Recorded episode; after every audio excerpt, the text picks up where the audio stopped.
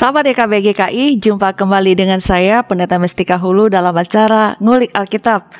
Kali ini kita akan mengulik Injil Matius pasal 21 ayat 1 sampai 11 dengan tema ketika kata-kata tak cukup lagi. Untuk mengulik Matius 21 ayat 1 sampai 11 ini telah hadir bersama saya dan bersama kita semua tentu saja uh, via Zoom Ibu Pendeta Linda Mismanto. Ibu apa kabar? Baik, Puji Tuhan. Puji Tuhan. Terima Salam sehat Tika dan teman-teman yang membantu. Salam sehat Ibu. Terima kasih loh Ibu sudah bersedia kembali menjadi narasumber ngulik Alkitab. Terima kasih kembali. Baik, uh, para sahabat Ibu Pendeta Linda Mismanto yang sudah berkali-kali menjadi narasumber kita dengan setia saat ini melayani di basis pelayanan uh, eh, GKI Manyar Surabaya. Nah, uh, para sahabat sekalian, program ngulik Alkitab diadakan sebagai sarana bagi kita untuk belajar bersama, kita mendalami apa yang dikatakan kitab suci dari teks-teks yang kita ulik dan kemudian kita merelevansikannya dalam kehidupan kita sehari-hari. Dengan senang hati kami mengundang para sahabat untuk uh, berinteraksi bersama kami, bisa memberikan uh, komentar di chat room yang uh, tersedia. Seperti biasa, kita akan mengulik Alkitab, mengulik teks kita uh, pada kesempatan ini dan kita akan awali ngulik ini dengan uh, berdoa dipimpin oleh Ibu Pendeta Linda. Silakan Ibu. Ya, baik sahabat YKB, kita akan bersama-sama berdoa kita mohon pimpinan Tuhan untuk kita mengerti apa yang tertulis yang menjadi kehendaknya. Mari kita berdoa. Terima kasih Tuhan pada saat ini kami boleh bersama-sama mendalami Alkitab. Kami boleh melihat dengan jelas jikalau Tuhan Roh Kudus membimbing kami. Kami boleh mengerti kehendak Tuhan, kami boleh mengerti hati Tuhan. Kami boleh mengerti apa yang berharga dalam hidup kami kami mohon Tuhan bimbinglah kami. Dalam nama Tuhan Yesus. Amin. Amin. Sahabat, mari kita membaca teks kita Matius pasal 21 ayat 1 sampai 11. Saya akan membaca dari sini dari studio Ibu Pendeta dari Surabaya dan para sahabat sekalian di tempat masing-masing. Uh, Matius pasal 21 ayat 1 sampai 11. Lembaga Alkitab Indonesia memberikan judul Yesus dielukan di Yerusalem. Ketika Yesus dan murid-muridnya telah dekat Yerusalem dan tiba di Betfage yang terletak di Bukit Zaitun, Yesus menyuruh dua orang muridnya dengan pesan, Pergilah ke kampung yang di depanmu itu, dan di situ kamu akan segera menemukan seekor keledai betina tertambat, dan anaknya ada dekatnya.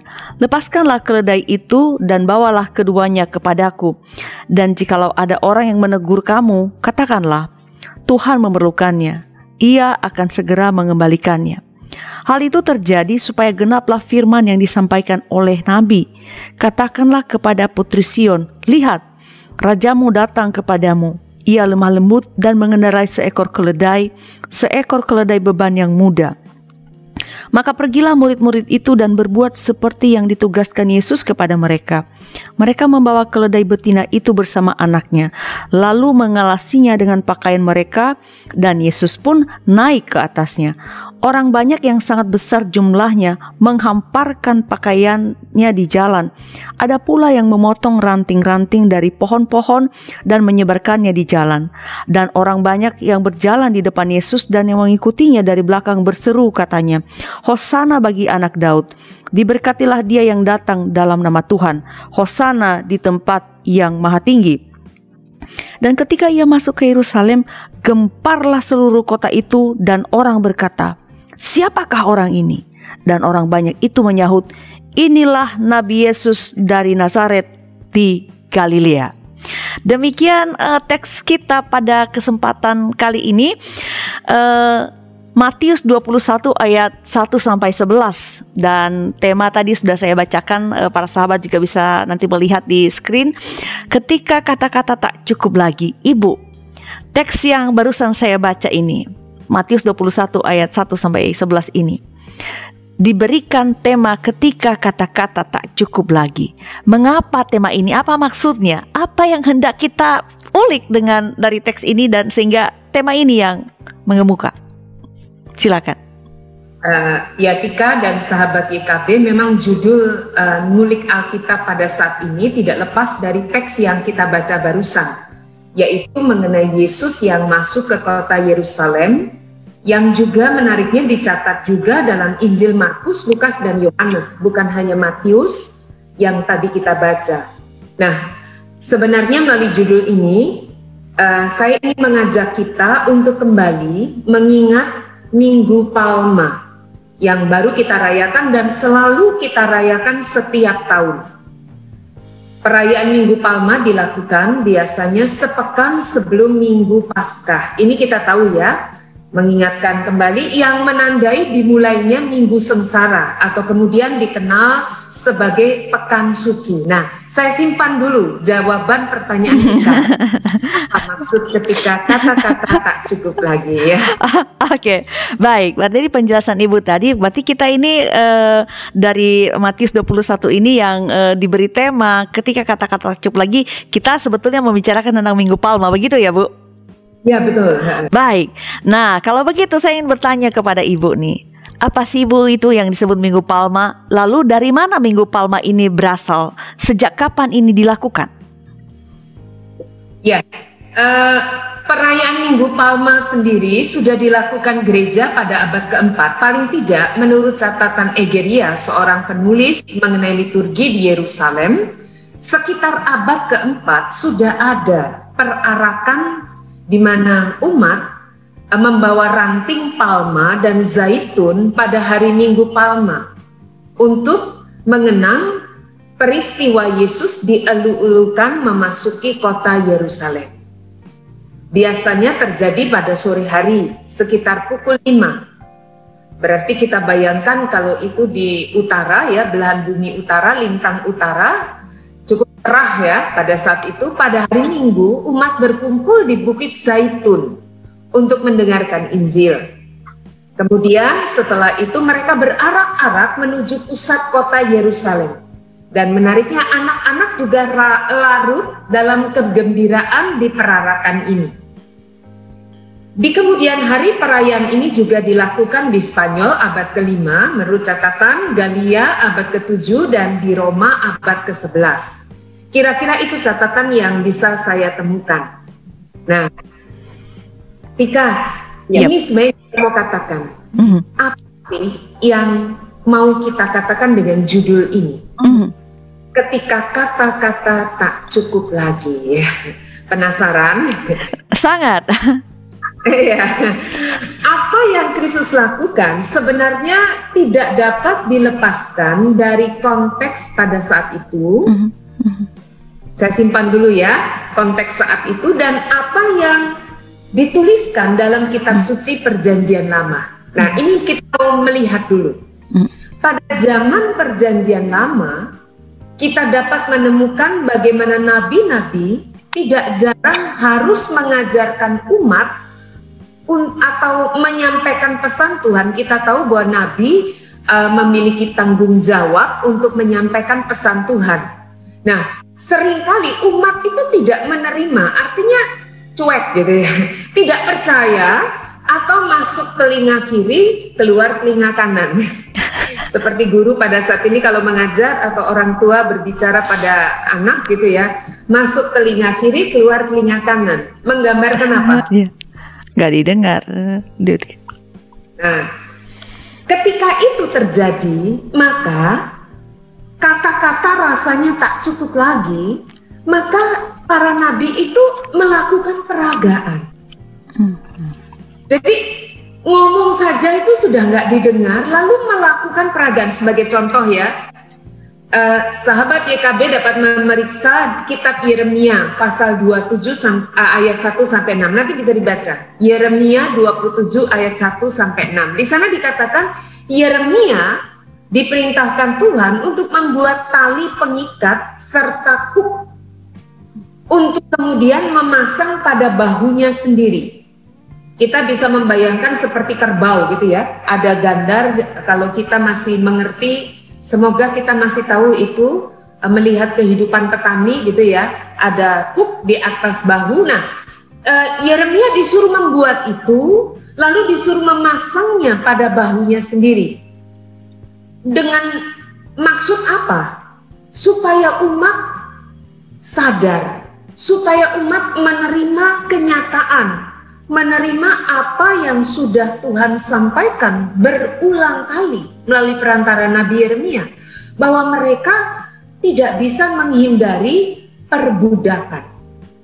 Karena pada saat itu Yeremia harus berhadapan dengan nabi-nabi palsu yang tidak Tuhan utus malah mengatakan uh, bahwa mereka akan lepas gitu ya. Pada saat itu uh, ada persoalan politis juga ya. Jadi mereka malah uh, berset, apa, bersekutu dengan uh, misalnya Mesir Padahal Tuhan bilang Mesir pun akan kalah, maka turutlah, ikutilah pesanku dan kamu tidak bisa menghindar akan ditawan ke Babel.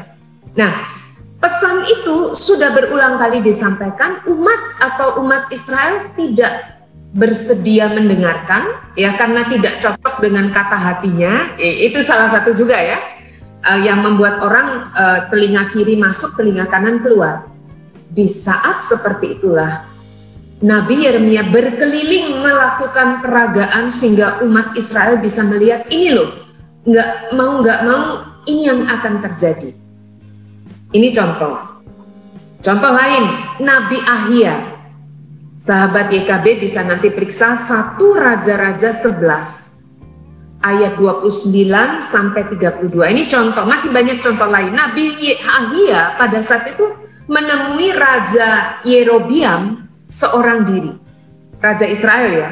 Dia mengenakan kain baru, kain baru, lalu secara dramatis dia mengoyakkan atau merobeknya di depan Yerobeam.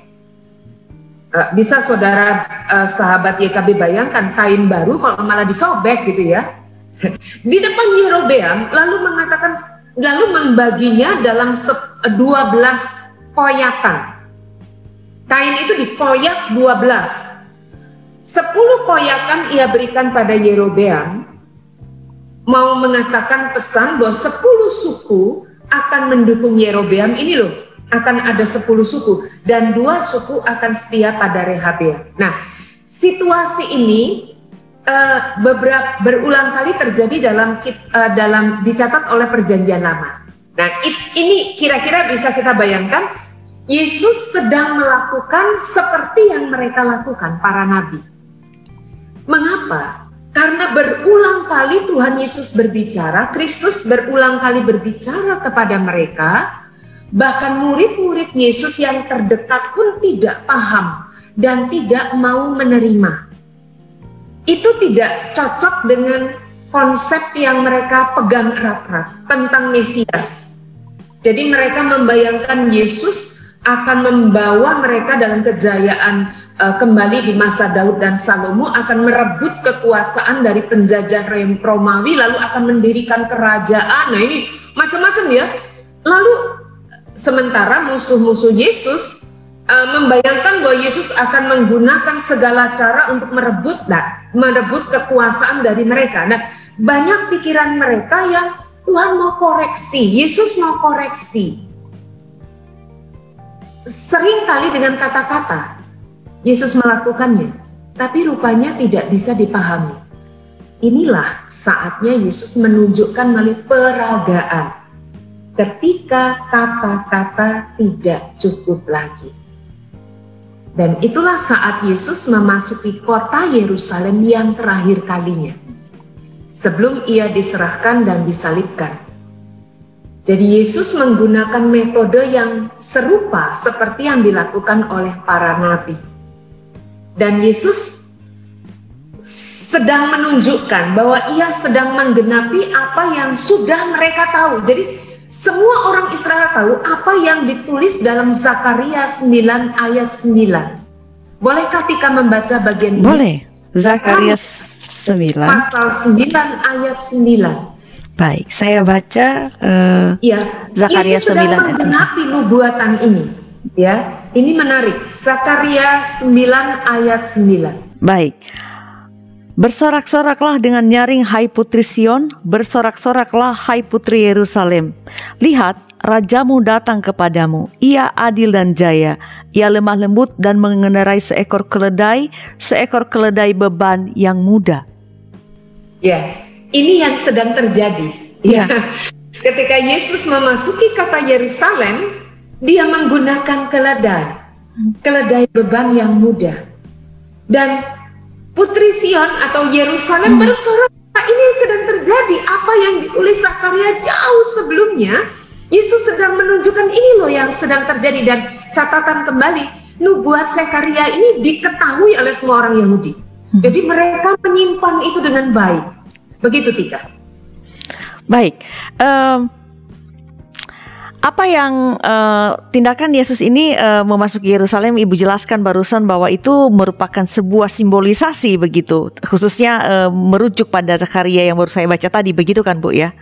Ya betul. Ya nah uh, saya ingin menanyakan kepada Ibu mengapa uh, tindakan simbolis ini penting tapi kita lanjutkan setelah pesan-pesan berikut ini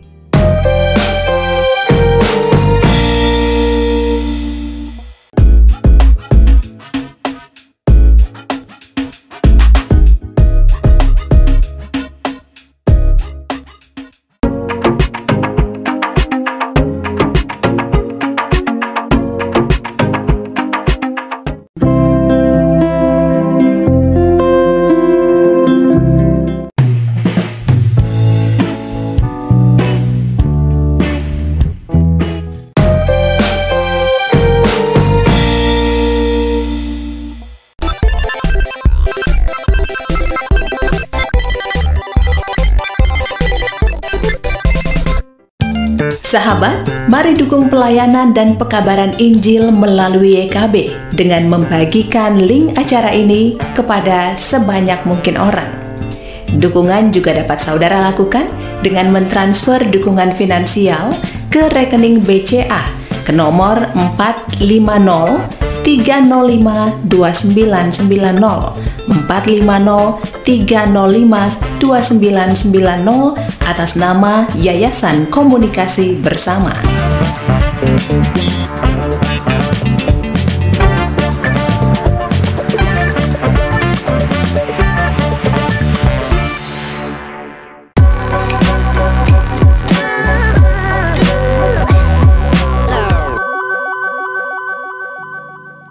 Sahabat YKB, terima kasih masih bersama kami di Ngulik Alkitab. Saya Pendeta Mestika Hulu yang memandu acara ini dan Ibu Pendeta Linda Miswanto yang menjadi narasumber kita dari Surabaya tentu saja.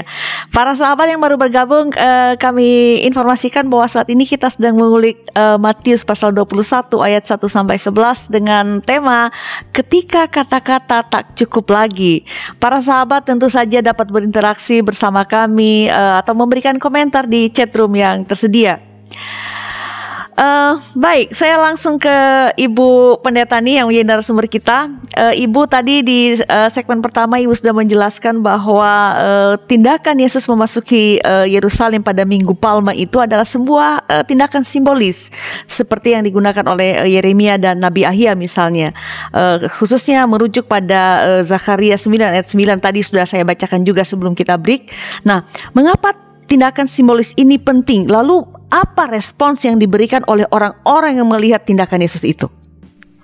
Ya, uh, jawaban untuk pertanyaan mengapa tindakan simbolis ini penting, uh, saya saya simpan dulu ya. Baik. Nanti kita akan menemukan dari percakapan berikutnya. Tapi uh, Tika saya ingin menunjukkan bagaimana hmm. respon yang ditunjukkan oleh orang banyak pada saat itu sangat menarik.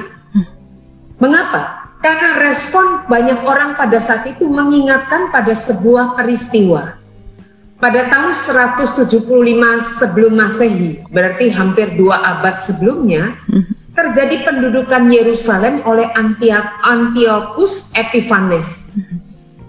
Ia bertekad membasmi agama Yahudi dan memperkenalkan cara hidup ibadah, cara hidup dan ibadah Yunani.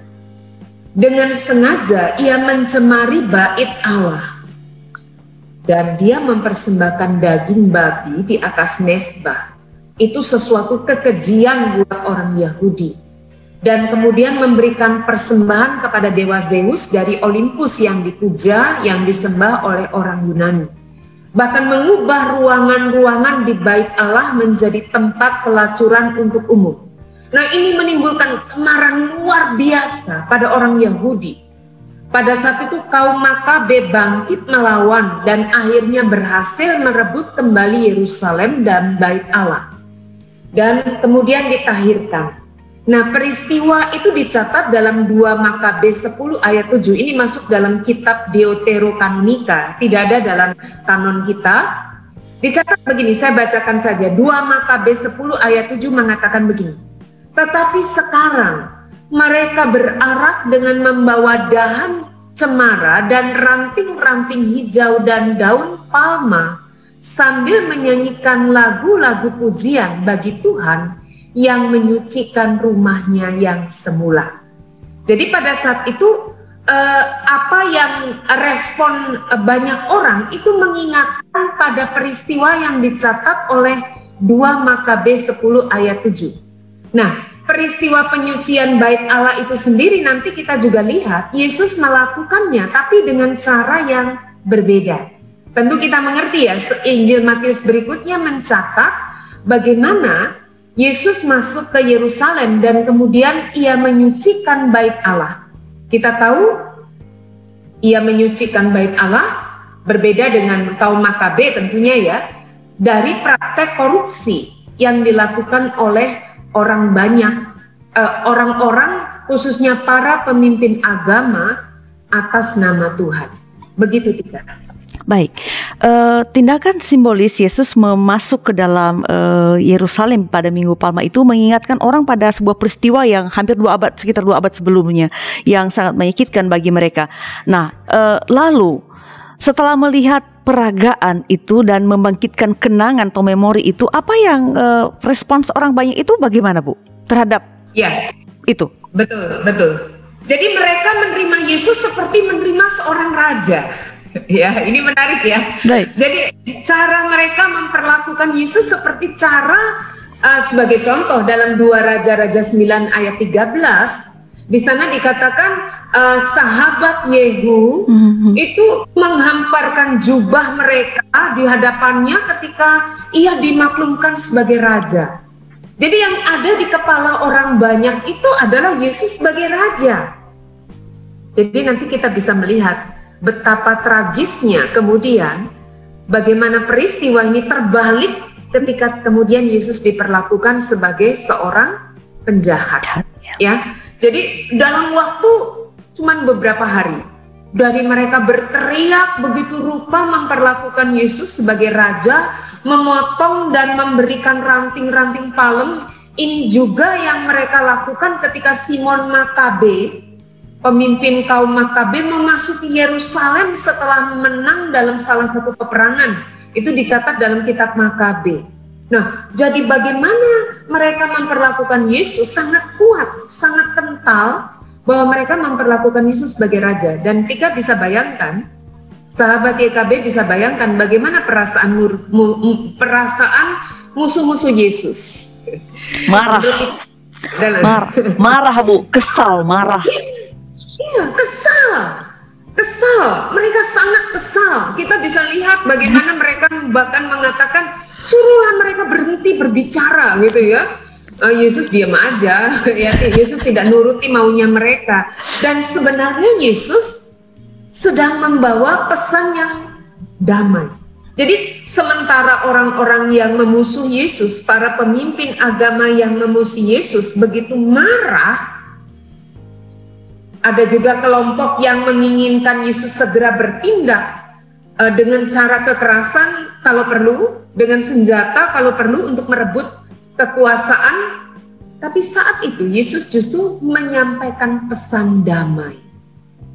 Jadi ketika kata-kata tak cukup, berulang kali Tuhan Yesus mengatakan bahwa dia datang bukan mendirikan kerajaan di dunia ini.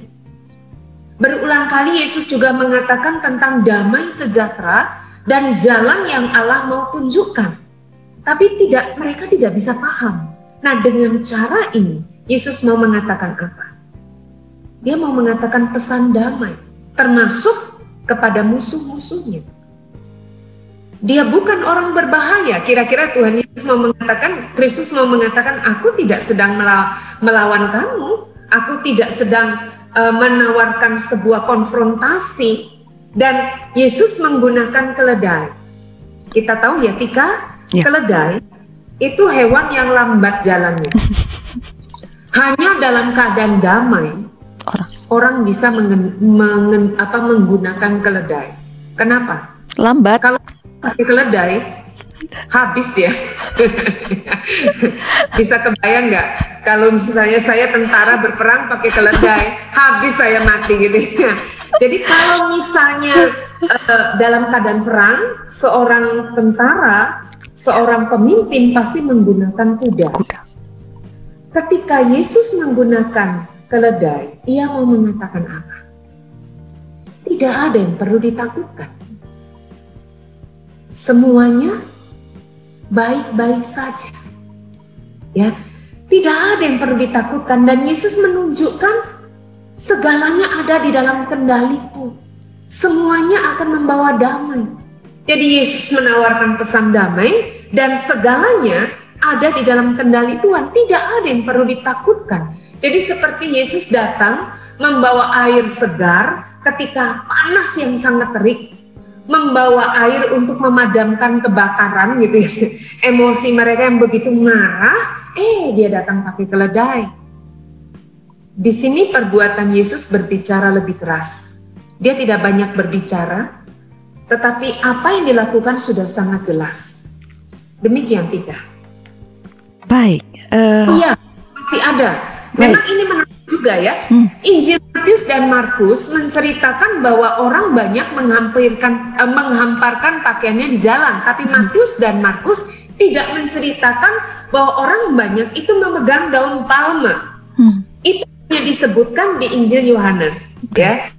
Dalam Injil Matius dan Markus, ranting-ranting pohon itu disebarkan di jalan, hmm. jadi bukan dipegang dan dilambaikan. Tapi sementara itu Injil Yohanes tidak menceritakan bahwa orang yaitu tidak tidak menceritakan orang banyak itu menyebarkan ranting-ranting pohon bahkan menghamparkan pakaiannya di uh, di pinggir jalan, di tengah jalan kan ya.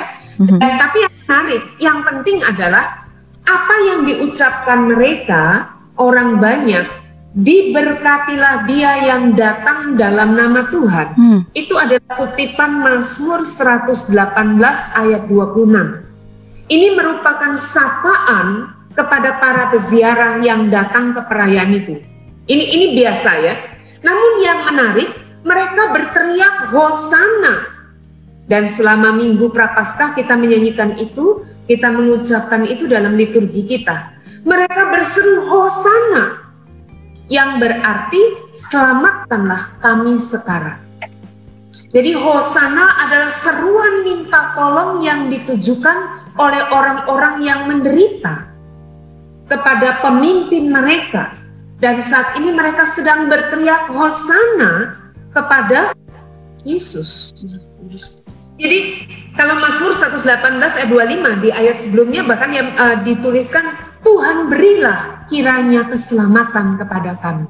Jadi euforia orang banyak pada saat itu mengungkapkan kegembiraan mereka menyambut Yesus sebagai raja tanda kutip pada saat yang sama mereka berseru meminta Yesus menyelamatkan mereka.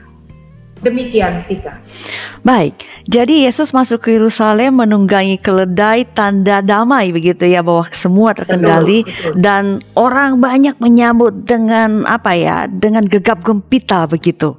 Nah, Ibu juga menjelaskan bahwa ada sedikit perbedaan di antara hanya perbedaan catatan Injil saja bahwa ada uh, Matius misalnya uh, mencatat bahwa atau uh, perbedaan dalam hal bahwa ada yang mencatat uh, Yesus disambut dengan menghamparkan pakaian atau ranting di jalan, uh, tetapi ada juga yang uh, Yohanes misalnya mengatakan tidak, tetapi orang orang-orang memegang uh, daun palem begitu. Nah, uh, tata caranya berbeda, tetapi jelas bahwa orang banyak menyambut kehadiran Yesus. Itu respon khalayak. Nah, itu baru khalayak bu. Saya mau nanya satu lagi nih sama ibu nih. Kalau halayak orang banyak gagap gempita menghamparkan entah pakaian, entar menghamparkan palem atau melambaikan palem begitu, para penguasa gimana ya Bu? Para otoritas pada waktu itu pemuka agama menyebut Yesus gimana Bu? Ke, apa senang juga Bu? Ya, ini ini yang yang yang memang menarik untuk kita dalami ya. ya. Kita coba lihat Matius 26 ayat 3 sampai ayat 5. Bolehkah kita membaca sahabat Boleh. lihat Matius 26 ayat 3 hingga ayat 5. Baik, saya baca Matius pasal 26 ayat 3 sampai 5.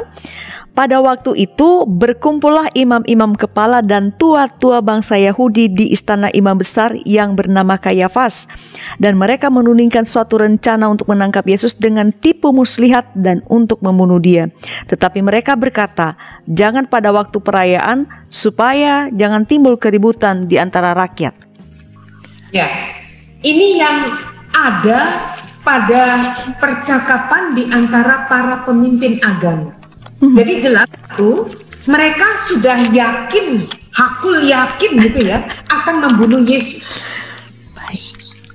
Soal ini kita dapat menggali di bagian Yohanes 11 ayat 45 sampai 48. Kita tidak baca tapi sahabat YKB dapat memeriksa ya. Yohanes 11 ayat 45 sampai ayat 48. Di situ peristiwa yang dicatat dalam Injil Yohanes, Yesus baru uh, apa membangkitkan Lazarus dan itu menimbulkan kegemparan di antara banyak orang. Dan pada saat itu begitu marahnya para pemimpin agama seperti bisul meletus gitu ya. mereka sudah marah, kita bisa bayangkan mereka sudah marah sekarang dipicu oleh uh, bangkitnya Lazarus, pembangkitan. Pembangkitan Lazarus.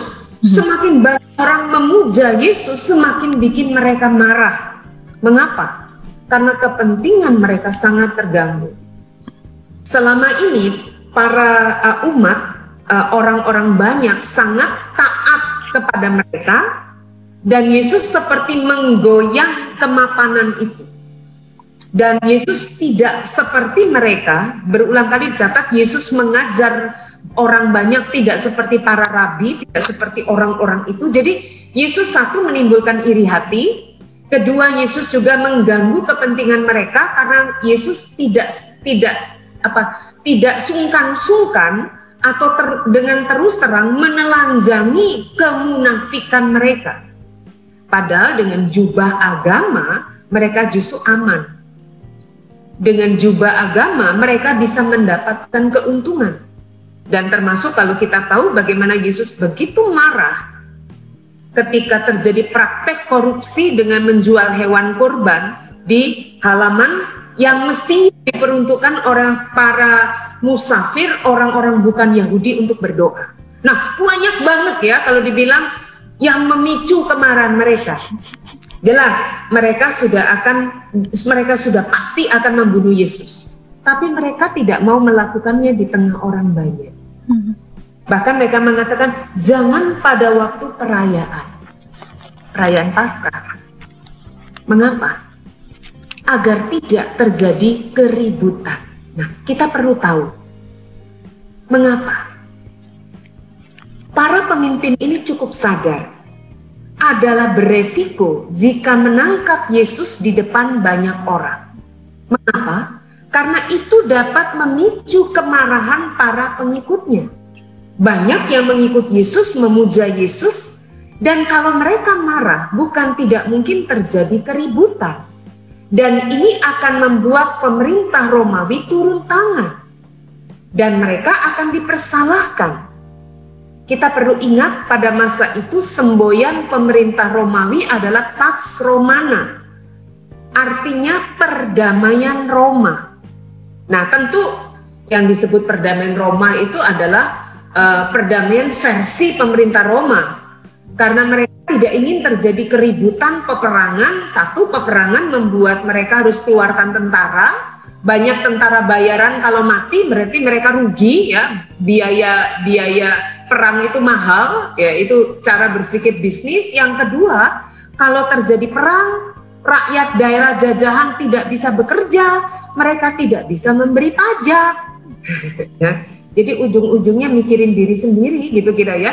Jadi kalau ada sedikit saja keributan, mereka akan telusuri, mereka akan padamkan dan mereka akan cari tahu siapa biang keroknya. Nah, kalau itu terjadi, bukan tidak mungkin para pemimpin agama ini ada dalam bahaya. Dan kita perlu tahu, untuk jabatan-jabatan tertentu itu tidak lepas dari campur tangan pemerintah Romawi. Ini kita mungkin merasa aneh ya. Di zaman Musa dan Harun, imam besar itu dipilih oleh Tuhan. Mereka sungguh-sungguh berdoa untuk itu. Tapi di zaman ke, uh, Yesus, di dalam kekuasaan konspirasi Romawi dan pemimpin agama, pem, uh, imam besar itu tidak lepas dari tanda tangan Kaisar Romawi juga. Lucu ya?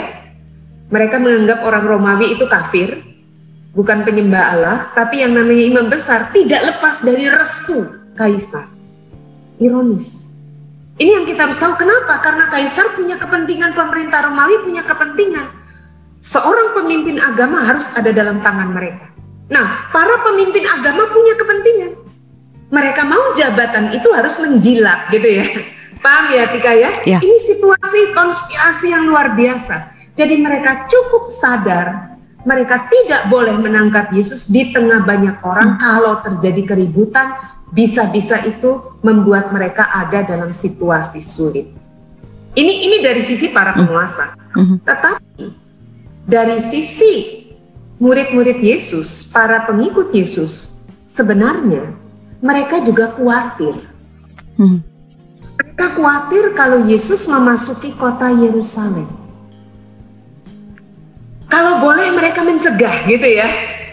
Tapi kita tahu Yesus justru masuk ke kota Yerusalem. Paling enggak di Yohanes 11 ayat 56, mereka bahkan memperdebatkan, eh kira-kira uh, Yesus Kristus ini masuk gak ya ke kota Yerusalem? Nah ini jadi perbincangan, jadi percakapan uh, di antara mereka. Karena apa? Para pengikutnya menduga, waduh kayaknya enggak deh bro gitu ya. Kenapa? Ya bahaya lah gitu ya.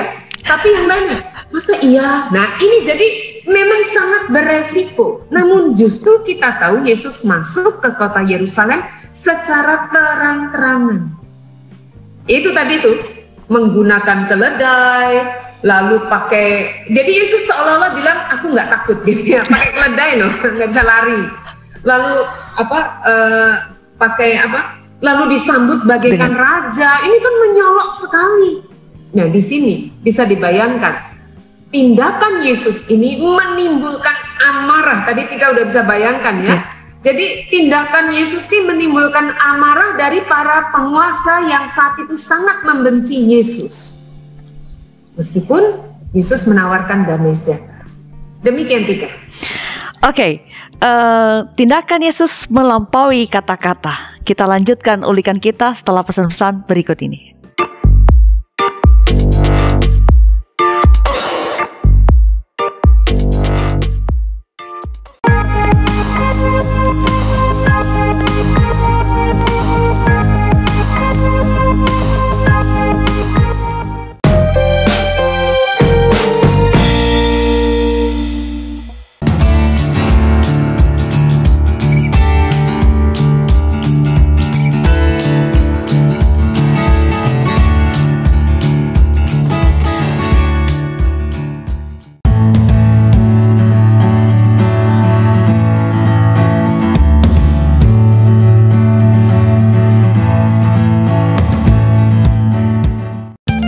Sahabat, mari dukung pelayanan dan pekabaran Injil melalui YKB dengan membagikan link acara ini kepada sebanyak mungkin orang.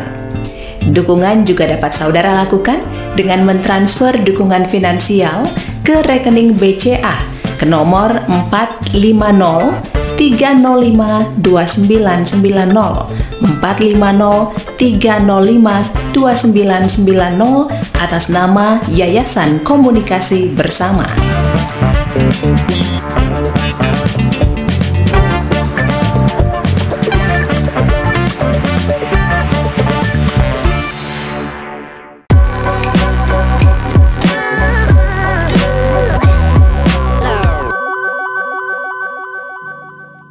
Sahabat, terima kasih masih bersama kami dalam acara Ngulik Alkitab di kanal YouTube YKBGKI TV. Saya sebagai pemandu acara eh, Pendeta Mestika Hulu dan masih bersama narasumber kita Ibu Pendeta Linda Mismanto yang berada di Surabaya. Saat ini kita sedang mengulik Injil Matius pasal 21 ayat 1 sampai 11 dengan tema ketika kata-kata tak cukup lagi. Kita berada di segmen uh, terakhir, segmen ketiga, namun para sahabat tentu saja masih dapat berinteraksi bersama kami, bisa memberikan uh, komentar di kolom komentar yang tersedia. Saya mau kembali uh, ke Ibu Pendeta langsung saja memanfaatkan waktu yang tinggal satu segmen ini. Uh, tadi Ibu sudah menjelaskan bahwa ada kontradiksi di antara tindakan orang banyak dengan para pemuka agama. Kalau para orang banyak sangat uh, gembira menyambut Yesus yang masuk Yerusalem dan menghamparkan kain, palem dan lain-lain. Nah, uh, para pemuka agama uh, sebaliknya gitu, bahkan merancangkan melakukan pemufakatan untuk me, apa ya, membunuh Yesus begitu. Ibu, apa selanjutnya yang terjadi? Ya, Uh, Tika dan sahabat YKB kita perlu ingat bahwa sekali lagi bahwa peristiwa ini terjadi sebelum Paskah Yahudi. Dan kita perlu ingat Paskah itu buat orang Yahudi adalah satu hari raya yang sangat besar. Dirayakan di seluruh Palestina serta bahkan di seluruh daerah diaspora. Daerah diaspora adalah tempat-tempat di luar uh, apa ya mereka uh, adalah tempat-tempat di luar Palestina di mana orang Yahudi hidup terpisah dari tanahnya. Jadi istilahnya kalau kita bilang bahasa sekarang tuh rantauan gitu ya, tempat perantauan. Nah, tidak sedikit dari antara orang Yahudi yang tinggal di diaspora yang berusaha kembali ke Yerusalem untuk merayakan Paskah. Jadi mereka merasakan ini hari yang tidak bisa tidak. Kalau bisa kami akan kembali merayakan Paskah di Yerusalem. Ini penting ya. Yosefus, seorang sejarawan Yahudi yang hidup, eh, hidup di abad-abad awal memperkirakan bahwa populasi orang Yahudi yang mencapai eh, yang menjelang perayaan Paskah yang berada di Yerusalem bisa mencapai sekitar 3 juta orang. Meskipun di kemudian hari para ahli modern memperkirakan jumlahnya sekitar 180 ribu atau 200 ribu. Namun tetap jumlah ini sangat besar buat kota Yerusalem. Pada saat perayaan Paskah, tentu tidak banyak orang bisa tinggal di kota Yerusalem, termasuk uh, orang-orang Galilea, yaitu murid-murid Yesus. Jadi kita mengerti mengapa sebagian besar mereka akan berkemah di tempat terbuka. Salah satu tempat favorit adalah lereng Bukit Zaitun. Sampai sekarang pun kalau kita berkesempatan ke Israel akan melihat dari lereng Bukit Zaitun kota Yerusalem yang memang lebih rendah jadi seperti lembah gitu ya. Jadi di situ mereka berkemah, termasuk murid-murid Yesus dan rombongan Yesus bersama. Menurut Injil Yohanes, peristiwa yang ada ini di, terjadi lima hari sebelum Paskah Yahudi. Jadi peristiwa Yesus memasuki kota Yerusalem terjadi lima hari sebelum Paskah Yahudi, berarti tanggal 10 bulan Nisan dalam kalender Yahudi. Berbeda dengan kalender kita Masehi ya. Karena enam hari sebelumnya, sebelum Paskah maksudnya, Yesus dijamu makan di Betania. Dan dicatat dalam Injil Yohanes 12 ayat 12, keesokan harinya Yesus pergi ke Yerusalem. Itu Tika. Baik. Ini penting melihat kota Yerusalem. Yerusalem menjadi sentral uh, disebut-sebut banyak disebut ibu menjelaskan begitu. Nah pertanyaan saya bu, mengapa Yerusalem ini terlihat sangat penting begitu? Apa sih istimewanya Yerusalem khususnya di zaman Tuhan Yesus? Betul, betul. Arti penting kota Yerusalem pada masa Yesus. Nah, Yesus sendiri mengatakan di Matius 20 ayat 18. Ia mengatakan, "Sekarang kita pergi ke Yerusalem dan anak manusia akan diserahkan kepada imam-imam kepala dan ahli-ahli Taurat dan mereka akan menjatuhi dia hukuman mati. Jadi Yesus tahu persis ketika dia memasuki Yerusalem dan apa yang akan terjadi kemudian. Nah, nanti kita melihat mengapa harus di Yerusalem ya. Yerusalem sendiri adalah satu kota yang terletak di dataran tinggi Yudea. Kota ini didirikan oleh Daud Meskipun sebelumnya sudah pernah ada kota ini, tepat di atas bekas kota tua orang Yebus yang berdiri sekitar tahun 1000 sebelum Masehi. Oleh Daud dijadikan ibu kota kerajaannya. Dan sedikit demi sedikit terus berkembang selama ratusan tahun. Pada zaman Yesus, populasi penduduk Yerusalem mencapai sekitar 40 ribu jiwa. Dalam perjanjian lama, sering kali kita menemukan puji-pujian bagi kota ini. Namun, para penulis PL juga tidak menutupi kenyataan bahwa kota ini, kota Yerusalem juga menjadi tempat kejahatan dan kepalsuan atas nama agama. Yerusalem pernah mencatat kita, kitab uh, kisah sedih, memalukan, seperti pemujaan berhala pada masa pemerintahan Manasye dicatat dalam dua Raja-Raja 21. Lalu Yerusalem juga pernah dihancurkan oleh penguasa Babel. Yerusalem pernah dibawa penaklukan pemerintahan kafir, kafir seperti yang zaman Yesus oleh pemerintahan Romawi. Namun ini menarik ya, orang-orang Israel berusaha tetap mengembangkan cinta yang tulus kepada Yerusalem. Dan mereka memiliki pengharapan akan datangnya kegemilangan pada masa yang akan datang. Jadi ini yang melatar belakangi suasana sekaligus perasaan orang banyak pada zaman Yesus setiap kali mereka datang ke bait Allah, setiap kali mereka datang ke kota Yerusalem. Ini yang mewarnai perasaan mereka. Yerusalem menjadi pusat kehidupan bangsa. Ini berkali-kali dituliskan dalam Mazmur misalnya ungkapan yang begitu dalam terhadap kota ini. Dan Yerusalem sering juga disuluki, dijuluki kota perdamaian, kota damai, shalem, shalom, kota kudus, Sion yang dikasih. Seringkali ungkapan itu digunakan. Nah ini Tika, sahabat YKB, ironisnya di kota yang disebut kota damai ini, kota suci, kota kudus, terjadi kekejaman atas nama agama. Ironis. Bolehkah Tika membaca Lukas 13 ayat 33 sampai 34? Ini perasaan Boleh. Yesus terhadap Yerusalem. Baik. Uh, Injil Lukas pasal 13 33 sampai 34 betul ya, Bu? Betul, betul. Uh, Lukas 13 ayat 33 sampai 34 Tetapi hari ini dan besok dan lusa aku harus meneruskan perjalananku sebab tidaklah semestinya seorang nabi dibunuh kalau tidak di Yerusalem. Yerusalem, Yerusalem, Engkau yang membunuh nabi-nabi dan melempari dengan batu orang-orang yang diutus kepadamu.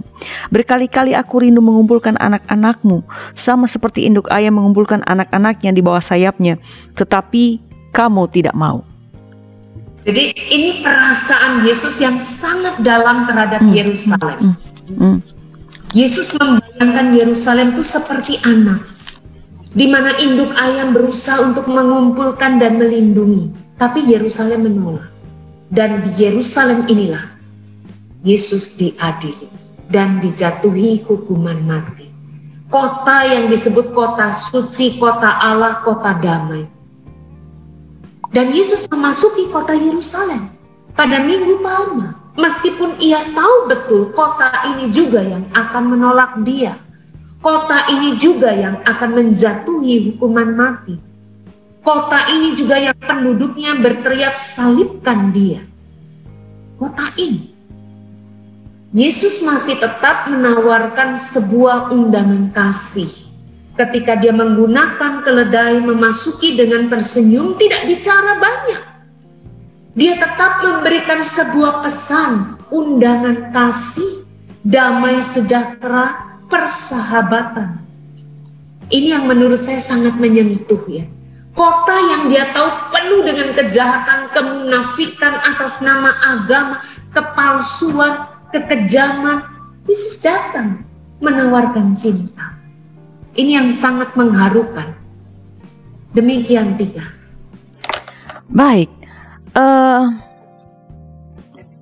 emosi yang uh, dimiliki alami Tuhan Yesus kita tadi sudah baca dalam uh, Lukas uh, 13 itu begitu luar biasa ada keperihan dan semacam ratapan di sana. Ibu uh, kita akan mengakhiri ngulik Alkitab ini. Apa yang ingin Ibu sampaikan uh, sebagai sebuah uh, pesan penegasan kepada para sahabat IKB, para pemirsa ngulik Alkitab uh, berkaitan dengan uh, teks kita Matius 21 ayat 1 sampai 21 yang kemudian melahirkan tema ketika kata-kata tak cukup lagi uh, kita berada pada Minggu Palmarum dan kemudian kita mempersiapkan diri untuk menyambut Paskah. Jadi apa pesannya, Bu? Ya. Uh, yang luar biasa di tengah kejahatan manusia Yesus tahu persis apa yang akan terjadi. Yesus tahu hati mereka, kejahatan, kekejaman, kebencian, tapi Kristus tetap hadir dan mengundang manusia untuk bertobat, termasuk musuh-musuhnya. Saya percaya, kita percaya, dia hadir untuk membawa damai sejahtera. Dan damai itu bermakna pulihnya relasi manusia dengan Allah serta dengan sesamanya bahkan seluruh ciptaan. Pulihnya relasi manusia dengan Allah sesama dan seluruh ciptaan membuat manusia dapat memandang segala sesuatu dengan cara baru. Bukan lagi berpikir apa yang bisa ku dapat. Kan kebanyakan orang berpikir kalau ketemu orang, ketemu apa pun, apa yang bisa ku dapat. Fokusnya pada diri sendiri memanfaatkan untuk kepentingan diri. Tapi justru Yesus menunjukkan jalan yang berbeda. Apa yang bisa aku berikan? Jadi sejak lama manusia memang gagal memahami penyataan kasih Allah. Meskipun sudah diungkapkan melalui berbagai cara. Maka ketika Kristus menyerahkan dirinya melalui peragaan yang paling agung dan paripurna, di atas kayu, salib ketika kata-kata saja tidaklah cukup. Itu yang sedang dia tunjukkan. Dia memberikan dirinya. Dia membalikkan apa yang selama ini dibayangkan dunia, apa yang bisa ku dapat. Justru mengatakan apa yang bisa ku berikan. Dan Yesus memberikan contoh. Jadi kasih adalah tindakan konkret Kata-kata saja tak cukup. Kasih adalah tindakan konkret, tak sekedar kata-kata. Dan itu yang Yesus sudah tunjukkan dengan sempurna. Di seluruh karyanya yang mencapai puncaknya di atas kayu salib. Pertanyaannya bagaimana dengan kita? Itu penting. Bagaimana respon kita? Ketika kata-kata saja tidak cukup, maka Yesus menunjukkan tindakan nyata melalui pemberian diri. Begitu Tika. Baik, uh, terima kasih Ibu Linda Pendeta dan Bismanto yang sudah menjadi narasumber mengulik Alkitab episode ini mengulik uh, Matius 21 ayat 1 sampai 11. Kiranya seluruh uh, penjelasan yang Ibu uraikan dalam episode ini uh, dipahami dengan baik oleh para sahabat uh, YKB pemirsa ngulik Alkitab uh, mempersiapkan kita menyambut pasca yang tinggal beberapa hari ke depan ini. Jadi terima kasih banyak telah menjadi narasumber ngulik Alkitab. Sahabat YKB uh, GKI, uh, ada beberapa hal yang uh, saya uh, sebutkan kembali menjadi pembelajaran bagi kita dalam mengulik Alkitab episode ini uh, ketika kita me belajar dari Matius pasal 21 ayat 1 sampai 11 dengan tema ketika kata-kata tak cukup lagi. Pertama tentu bahwa uh, kita uh, belajar mengenal lagi bahwa peristiwa ini terjadi pada Minggu Palma. Minggu Palma itu adalah mengenang uh, peristiwa Yesus memasuki Yerusalem dan disambut dengan luar biasa dan dilulukan di sana bahkan diterima sebagai raja oleh orang banyak yang menyaksikan dan uh, peristiwa itu dan mengikutinya. Kedua, uh, Peristiwa masuknya Yesus ke dalam kota Yerusalem adalah sebuah simbol. Uh, ini merujuk kepada apa yang dikatakan Zakaria 9 ayat 9 bahwa uh, Tuhan datang uh, sebagai raja di uh, kota Yerusalem dan mem membawa damai begitu. Uh, karena itulah dia menggunakan uh, keledai sebagai simbol bahwa dia membawa damai. Ketiga, Kita diingatkan bahwa ketika kita bicara mengenai uh, ketika kata-kata uh, tak cukup lagi ini mengatakan bahwa sebuah bukti kasih uh, Yesus masuk ke kota Yerusalem itu adalah sebuah pernyataan peragaan kasih secara konkret bukan dalam kata-kata yang banyak. Karena tadi Ibu Pendeta Linda sudah menegaskan bahwa sering kali kata-kata itu tidak didengar uh, Ibu Linda mengatakan Ibu Pendeta narasumber kita mengatakan bahwa masuk kanan uh, keluar kiri. Mungkin malah kadang-kadang sekarang masuk kanan langsung mental di kanan juga nggak sempat masuk langsung langsung hilang begitu saja gitu.